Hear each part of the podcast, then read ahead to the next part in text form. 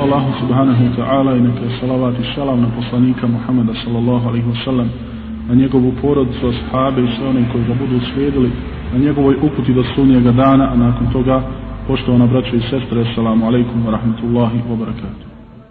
U prethodnom predavanju govorili smo o razlozima za popuštanje u vjeri za nazadovanje i za jedno popuštanje u pridržavanju pravoga puta i odredaba koje čovjeka čine da bude na pravom putu.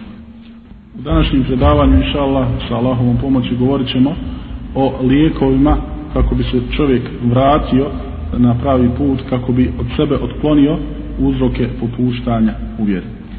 Naš večerašnji govor će se bazirati na činjenici da Allah subhanahu wa ta'ala nije stvorio ni jednu bolest, a da joj nije našao lijeka i da nije dao lijeka koji bi ljudi mogli da iskoriste kao što poslanik sallallahu alaihi wasallam kaže nema ni jedne bolesti a da ju Allah subhanahu wa ta'ala nije odredio i lijek. Tako da svejedno od koje bolesti obolio ovaj ummet da li to bila bolest koja ih je zahvatila u materijalnom smislu ili u duhovnom smislu ona ima svoj lijek. Prva stvar koja čovjeka sprečava da ode sa pravoga puta i da popusti u vjeri jeste povećavanje znanja koje on ima kod sebe. Dakle ne bilo kog znanja nego baš šarijatskog znanja i što više šarijatskih činjenica i pojmova ukoliko čovjek zna i može to da primijeni to je jedna vrsta u stvari štita koja će ga odbraniti od puštanja u vjeri stoga je poslanik sallallahu alaihi wasallam u prilikama kada bi neki od novih ljudi primio islam savjetovao svojim ashabima uzmite ga sa sobom i podučite ga vjeri. Dakle, to podučavanje vjeri na početku, kada čovjek ne zna puno, kada ga ljudi, drugi poduče vjeri, to znači da će se on zaštititi od pogrešnih stvari i od nazadovanja i popuštanja koje bi moglo eventualno da, da mu dođe. Dakle. I stoga čovjek koji se pridržava propisa ove vjere i na kome dakle možemo vidjeti neke tragove pridržavanja e, vjere, on mora da bude od tih ljudi koji će biti u, u, u najvećem broju slučajeva u halkama u kojima se izučava znanje. Dakle, on mora biti veoma često u tim halkama kako bi održao svoju vjeru. Stoga poslanik, sallallahu alaihi ve sallam, savjetuje svome ummetu i muslimanima koji su živjeli oko njega, kada prođete pored džennetske bašće, svratite u nju kako bi se odmorili. Pa su ashabi, dakle, na sam pomen riječ džennetska bašća, upitali odmah poslanika, sallallahu alaihi wasallam na šta se misle Boži poslaniče, dakle šta je to džennetska bašća, pa je on rekao, to je halka zikra, to je spominjanje Allaha subhanahu wa ta'ala, a u drugom rivajcu se kaže da je to halka u kojoj se izučava šarijatsko znanje. Toga čovjek koji uđe u islam, koji počne da klanja, dakle da, da posti i da obavlja stvari koje u vanjštini znači dakle, da je on musliman, mora da pazi na to i, i, da, i da posveti tome veliku brigu da stekne što više znanja, šarijatskog znanja koje će ga spriječiti od e, ponovnog vraćanja u džahilijet ili ponovnog vraćanja u nevijesu. I nikada muslima ne smije sebi dopustiti da dunjalučki potrebi i dunjalučki poslovi budu prepreka na putu sticanja znanja. To jeste da kaže ja radim do 4 sata, ja radim do 5 sati ili tako dalje, radim možda u 3 smjene, radim i noću i tako dalje i moram imati određeno vrijeme kako bih se odmorio. Ne mogu da stigne na sva ta predavanja i ne mogu da napravim neki svoj lični program kako bih sticao znanje. Dakle, sve te isprike, one nemaju nikakve osnove ukoliko čovjek zaista želi da stekne znanje i da se time sačuva od nazadovanja u vjeri. Jer poznata nam je praksa Omera ibn al-Hattab radijallahu anhu koji je sa svojim prijateljima, dakle sa drugim sahabima imao jednu praksu sticanja znanja, a to je da su jedan drugoga mijenjali u halkama kada se izučavalo znanje, kada su trebali da budu sa poslanikom, sallallahu alaihi wasallam. To jeste jedan dan bi jedan radio, a drugi bi bio sa poslanikom, sallallahu alaihi wasallam, dok bi drugi dan bilo obrnuto. I kada bi nešto novo saznao, onaj koji je bio sa poslanikom, sallallahu alaihi wasallam, obavijestio bi onoga drugog.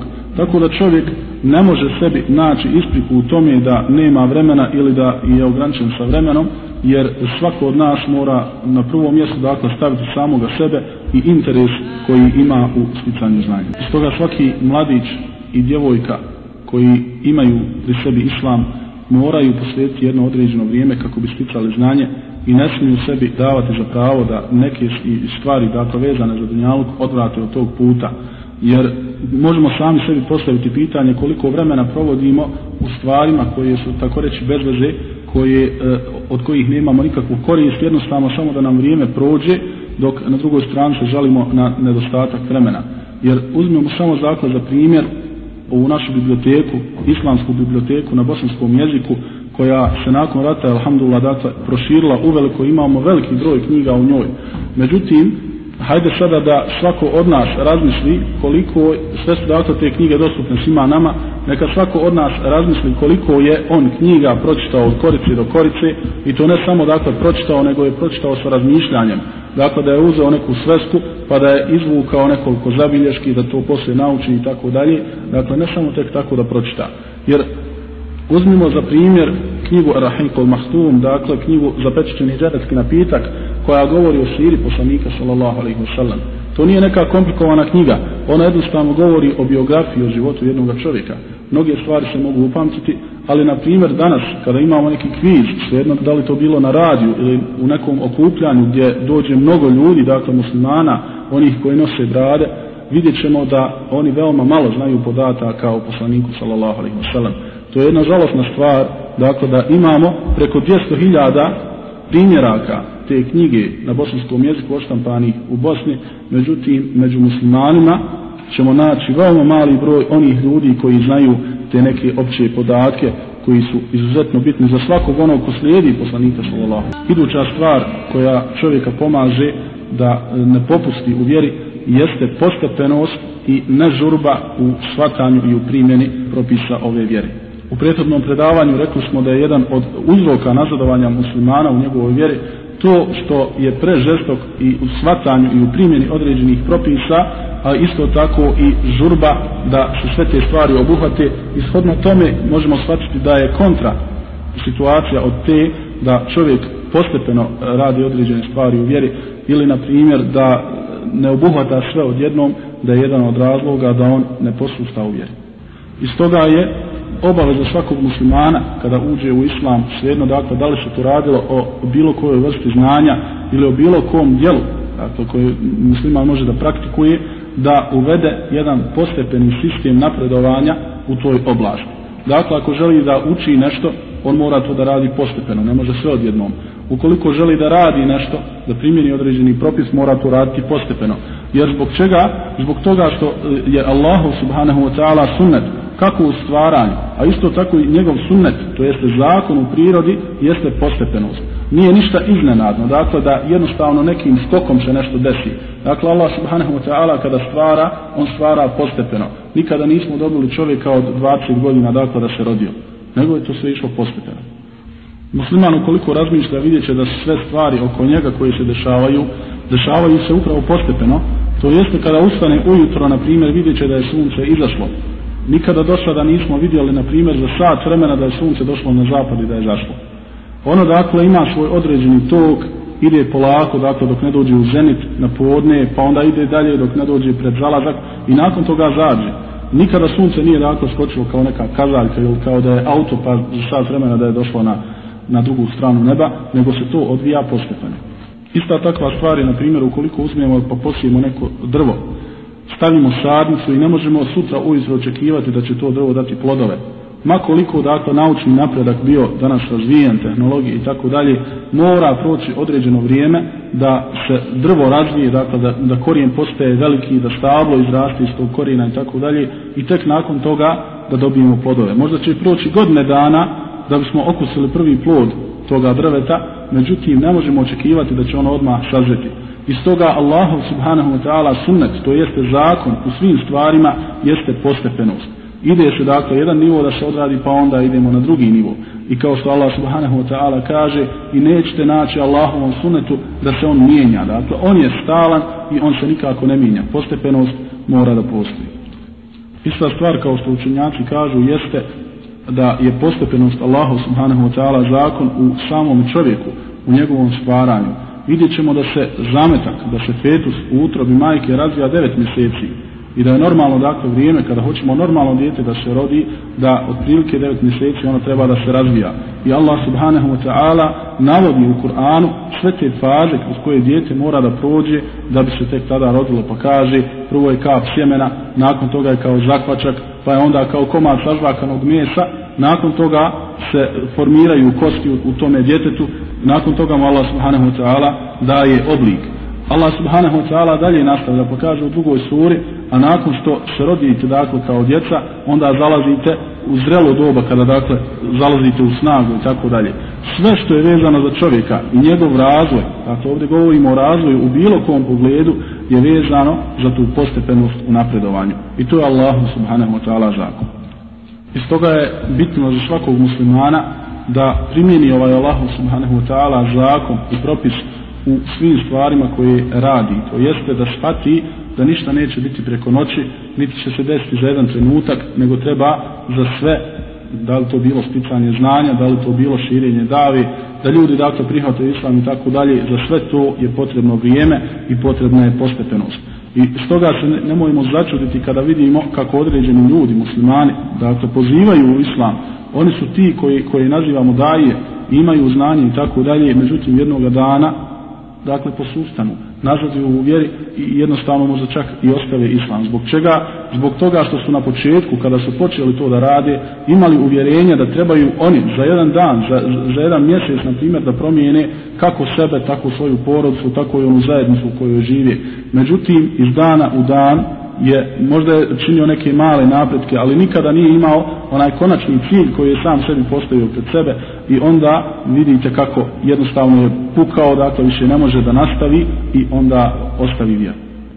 Iz toga ova žurba i žestina, tako reći, koja je vezana za vjeru, često kod mladića koji su prihvatili vjeru, uslovljava to da oni izađu iz islama. U primjerima kojih imamo sigurno veliki broj u biografijama shaba, isto tako i tabeina, uglavnom naših ispravnih prethodnika, vidit ćemo velike primjere iz kojih možemo shvatiti koliko je žurba i nepostepenost u djelovanju bila razlog za propadanje i za krivo shvatanje dakle islama.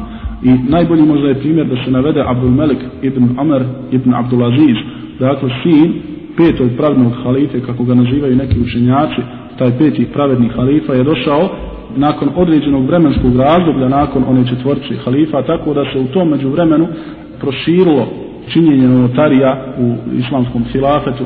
Isto tako ljudi se odaljili od sunneta tako da je bilo jedno tako reći žalostno stanje. Sam Omer ibn Abdulaziz dakle halifa je bio veoma pobožan čovjek. Isto tako i njegov sin Abdul Melik je bio veoma pobožan čovjek i njegov sin se začudio. Bio je mladić i bio je onaj koji imao hamas tako reći polet u svome srcu, on se začudio svome ocu koji je imao jednu čudnu strategiju, jedan, jedan čudan način gašenja tih novotarija i oživljavanja sunneta, to jeste, ona se olečavala u njegovoj rečenici, želim svaki dan da oživim jedan sunnet i svaki dan da ukinem jednu novotariju. Dakle, nije želio sve odjednom da učini. Pa mu je rekao, njegov sin, Abdul Melik, oče, čudim se kako ti to radiš, zbog čega u jednom danu dakle ne podijeliš naredbe, ne podijeliš emrove po cijelom hilafetu i da ukineš novotarija da oživiš istinu. I tako mi Allaha kaže, njegov sin Abdul Melik, tako mi Allaha, ja se ne bojim da ja i ti budemo bačeni u kazane koji su puni vrelog ulja, ako će to biti radi istine.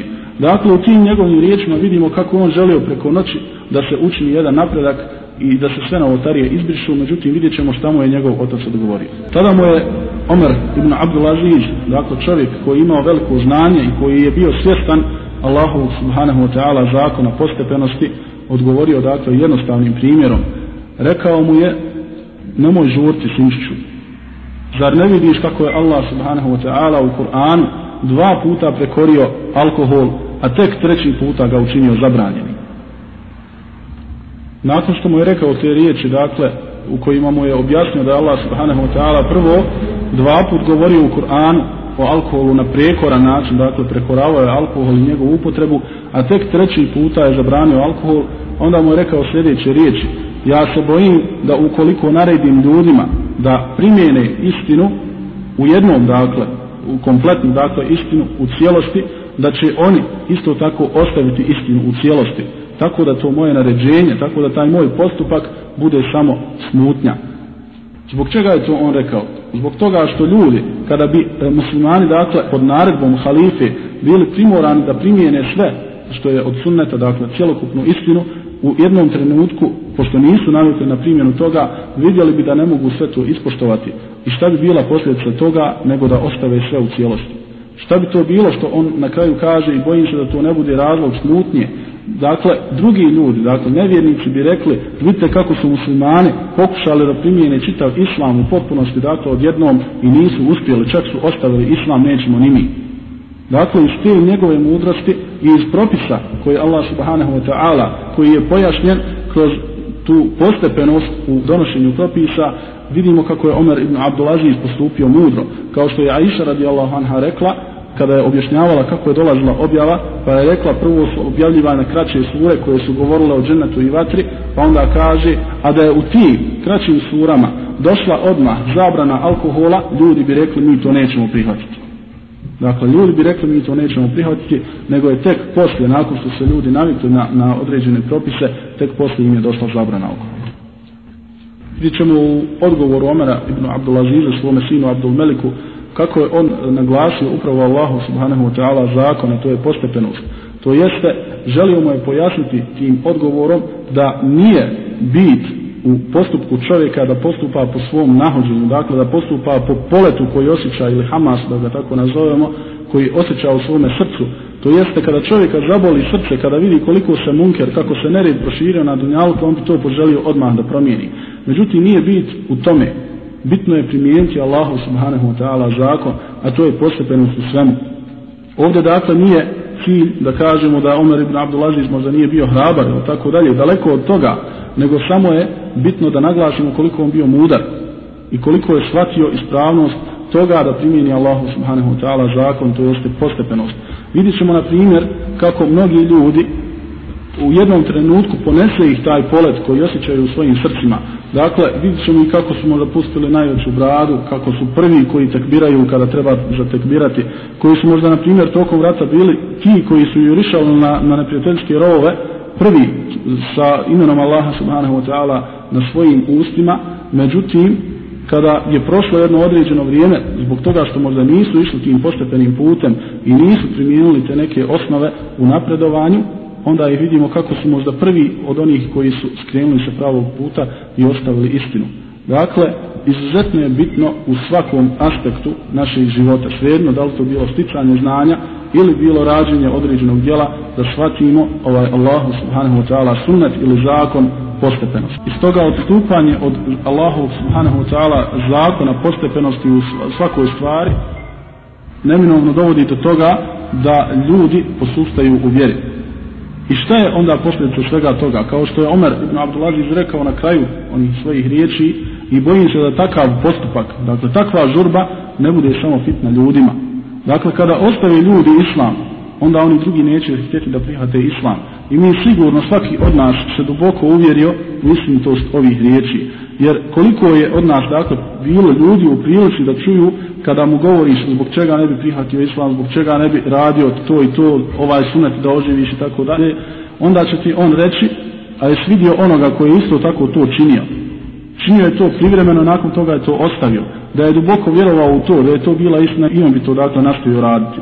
Međutim, postupak takvih ljudi koji su ostavili primjenjivanje određenih suneta jednog dijela vjere, zbog toga što su pogrešno dakle, pristupili svemu tome u početku, je doveo upravo do te fitne. To jeste, kada su ostavili vjeru, onda su oni postali fitna koja zabranjuje drugim ljudima i koja pravi tu prepreku njima u prihvatanju vjerskih propisa. Iz toga je postepenost u svemu e, način kako bi čovjeku dakle se olakšao hod pravim putem i kako ne bi posustao i kako ne bi pokleknuo u vjeri. Svejedno dakle da li se radilo o postepenosti u sticanju znanja, u postepenosti u činjenju ibadeta, u postepenosti u pozivanju na Allahov put, dakle moramo shvatiti da je postepenost Allahu subhanahu wa ta'ala zakon i da ne možemo nigdje stići preko noći. Jer onaj koji ide postepeno, on će doći na cilj, dok onaj koji želi u jednom skoku da pređe na stvari, on će sigurno izgubiti taj put, njegov put će se prekinuti i e, više neće ići pravim putem da bi se čovjek očuvao na pravom putu i kako ne bi posustao u svojoj vjeri, on mora da poznaje stvari, dakle mora da poznaje prednosti. Čemu dati prednost? Da li dati prednost jednoj stvari ili onoj drugoj? Da bi išao pravim putem i da bi primijenio taj princip postepenosti na ispravan način, on mora e, znati čemu dati prednost kada napreduje u određenoj stvari. Da li to bilo dakle u sticanju znanja? da li će učiti ovo ili ono, da li će učiti akidu ili će možda učiti fik, određene stvari i tako dalje, ili na primjer određenom e, dijelu, u pozivanju, da li da poziva ovoga čovjeka ili ovoga. Dakle, u svemu tome, kada čovjek i postepeno nastupa, može doći u grešku ukoliko ne poznaje čemu treba dati prednost. Čovjek kada želi da napravi kuću, on mora da zna čemu dati prednost. Da li će, na primjer, prvo početi sa gradnjom temelja ili će početi sa gradnjom krova. Dakle, čovjek mora da poznaje čemu dati prednost. Ukoliko počne da pravi krov prvo, na primjer, digni ga na neke nosače i tako dalje, pa onda hoće da napravi zidove ili da, da napravi temelje i tako dalje, naravno da to neće lijegati jedno na drugo i ta kuća će se slušiti. Čovjek mora da zna čemu dati prednost, prvo dakle da gradi temelje, nakon toga da gradi zidove, nakon toga da stavi krov. Iz toga mladić ili djevojka koji prihvate islam, i koji žele da nauče nešto novo iz islama, dakle žele da, da krenu tim putem stičanja znanja, moraju da poznaju čemu dati prednost i šta prvo učiti. Jer vidjet ćemo, nažalost, mnoge mladiće oko nas koji na početku svoga pridržavanja islamskih propisa, umjesto da uče akidu kao najpreću stvar, dakle po mišljenju svih učenjaka, vjerovanje ili akida je najpreča stvar koju čovjek mora da zna u islamu. Oni, na primjer, umjesto toga nisu to dobro stvarili, oni na primjer govore o džihadu kao vrhuncu islama.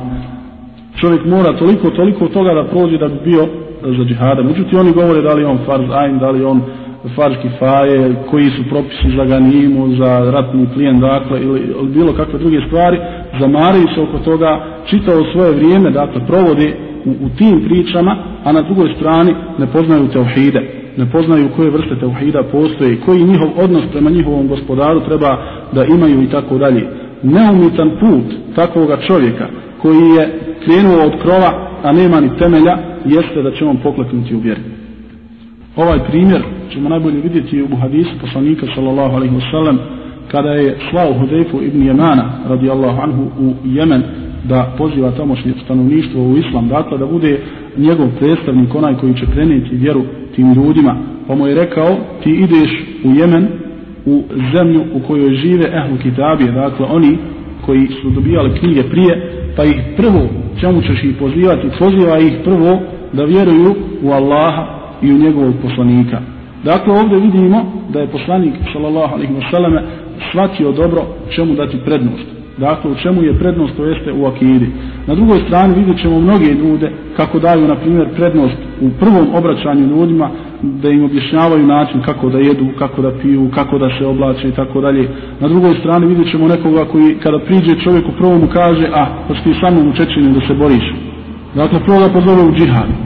I na trećoj strani ćemo vidjeti ljude koji prvo čemu obraćaju pažnju jeste na način ponašanja čovjeka. Vidjet ćemo kako mnogi ljudi upravo griješe u tom pristupu, u tom davanju prednosti onim stvarima koje zaista zaslužuju prednost.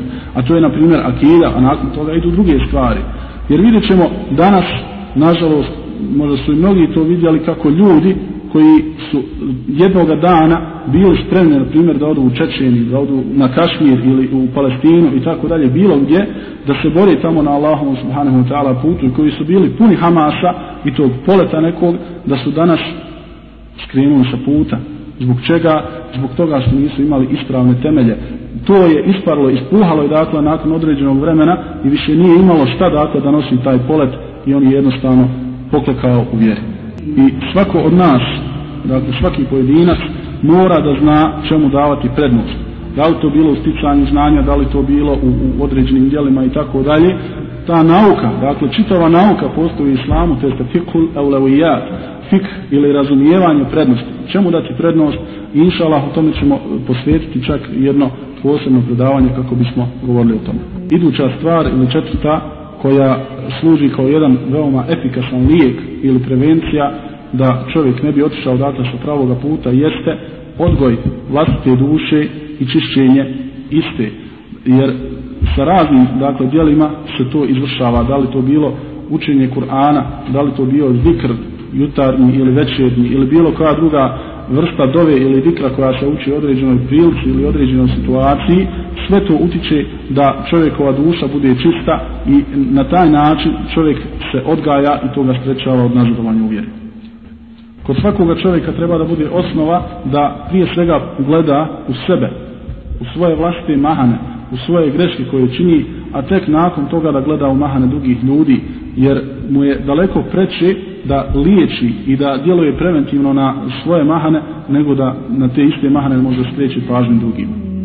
Kako ne bismo dakle oduljili, navećemo i ostale lijekove, prije svega dakle to je stalni obračun sa samim sobom. Kako čovjek dakle ne bi otišao sa pravoga puta, mora svakodnevno da svodi račun sa samim sobom, u čemu je dakle napravio plus za taj dan, a u čemu je na primjer bio njegov minus. I svaki čovjek, svaki musliman bi možda trebao da ima jednu tabelu u koju će pisati šta je učinio za taj dan. U toj tabeli, na primjer, neka stavi koliko je dobrih dijela učinio za taj dan. Šta je učinio dakle za islam za taj dan. U gdje je pogriješio taj dan. Koje su bile njegove greške. Da li je tražio oprosta od Allaha subhanahu wa ta'ala toga dana i tako dalje mora da sagleda svoje pozitivne stvari, dakle ono što je dobro uradio i isto tako mora da bude svjestan svojih grešaka i da odredi da li je taj dan zaslužio vatru ili je zaslužio džennet. Najbolji primjer za to su nam naši ispravni prijateljnici koji su svake noći, dakle prije nego što bi legli u postelju, da prespavaju tu noć, sebi predočavali situaciju da im je ta noć u stvari zadnja u životu. Da se ujutro neće probuditi, što je zaista dakle moguće. Allah subhanahu wa ta'ala nikada neće nekome poslati poštara da mu kaže umiriš tada i tada jer svaku noć možemo očekivati da ne doživimo idući dan i sa tom sviješću dakle slikom te situacije oni su željeli da vide da li su učinili dobro za taj dan da li mogu dakle ispravna srca dočekati tu smrt koja im eventualno može doći u tom trenutku? Jer Allah subhanahu wa ta'ala kaže da u snu uzima duše ljudi pa nekome dakle vrati tu dušu a nekome uzme dušu dakle u snu može da preseli. Jedan od velikih predavača kako reći jedan od velikih učenjaka koji su svojim ahlakom pokazali mnogo ljudima i generacijama koji su došli nakon njega jeste Ibn Semak neka Allahova milost na njega jedna od njegovih dijela ili praksa njegova jeste u tome da je u svojoj kući imao iskopanu jednu rupu koja je nalikovala na kabur.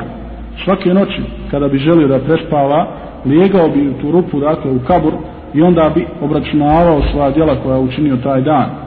Nekada bi se sjetio dakle nekog ružnog djela koje je učinio za taj dan pa bi onda toliko vikao da bi ga čak i njegove komšije čule. Dakle spominjao je jedan ajet dakle u tom ajetu Allah subhanahu wa ta'ala navodi riječi onih koji će biti u džehennemu koji će reći o naš gospodaru vrati nas ne bi smo radili dobra djela. Vrati nas, ne bi smo radili dobra djela. Pa bi izašao iz te rupe, dakle, izašao bi iz toga kabura i govorio bi moj gospodar me vratio, e sada treba da činim dobra djela. Dakle, kao da je izašao iz džehennama i dobio jednu novu priliku za činjenje dobrih dijela, što je on onda i koristio, dakle, klanjao bi noćni namaz i bio je jedan od velikih ljudi koji su nam sigurno za pouki. Idući razlog ili idući lijek protiv nazadovanja u islamu jeste da se čovjek što više odmakne od činjenja grijeha. Jer smo naveli u prethodnom predavanju da je činjenje grijeha jedan od razloga za nazadovanje u islamu i stoga samo distanciranje od bilo kog mjesta ili od bilo kog načina da se učini određeni grijeh je sigurno najbolji lijek. I završna stvar, kako ne bismo dakle oduljili, kako vam ovo možda ne bi postalo i dosadno, ne do Bog, jeste da kažemo da je završni lijek pridržavanje džemata, dakle da, da čuvamo zajednicu, da pokušavamo što više svoga vremena provesti u zajednici koja je zdrava, koja nas neće nagnati da učinimo neko loše djelo, nego će učiniti dakle suprotno, spriječi nas učinjenja loših dijela, a navesti nas da učinimo neko dobro. Jer kao što poslanik sallallahu alaihi wasallam u hadisu kaže, zaista vuk jede odvojenu ovcu. Onu ovcu koja se odvojila iz te zajednice, u ovom slučaju dakle šejtan će najlakše prići čovjeku koji nije u zajednici, međutim ovdje napominjao ponovo zdravoj zajednici, zajednici muslimana. Ovo su dakle samo neke stvari koje mogu da budu lijekovi u situaciji kada čovjek osjeti kod sebe da nazaduje u islamu, dakle i da posustava u tom hodu po pravom putu. Molimo Allaha subhanahu wa ta'ala da nam pomogne da se održimo na pravom putu i da nas izliječi u slučaju da je neko od nas osjetio dakle da ide krivim putem i e, na kraju dakle assalamu alaikum wa rahmatullahi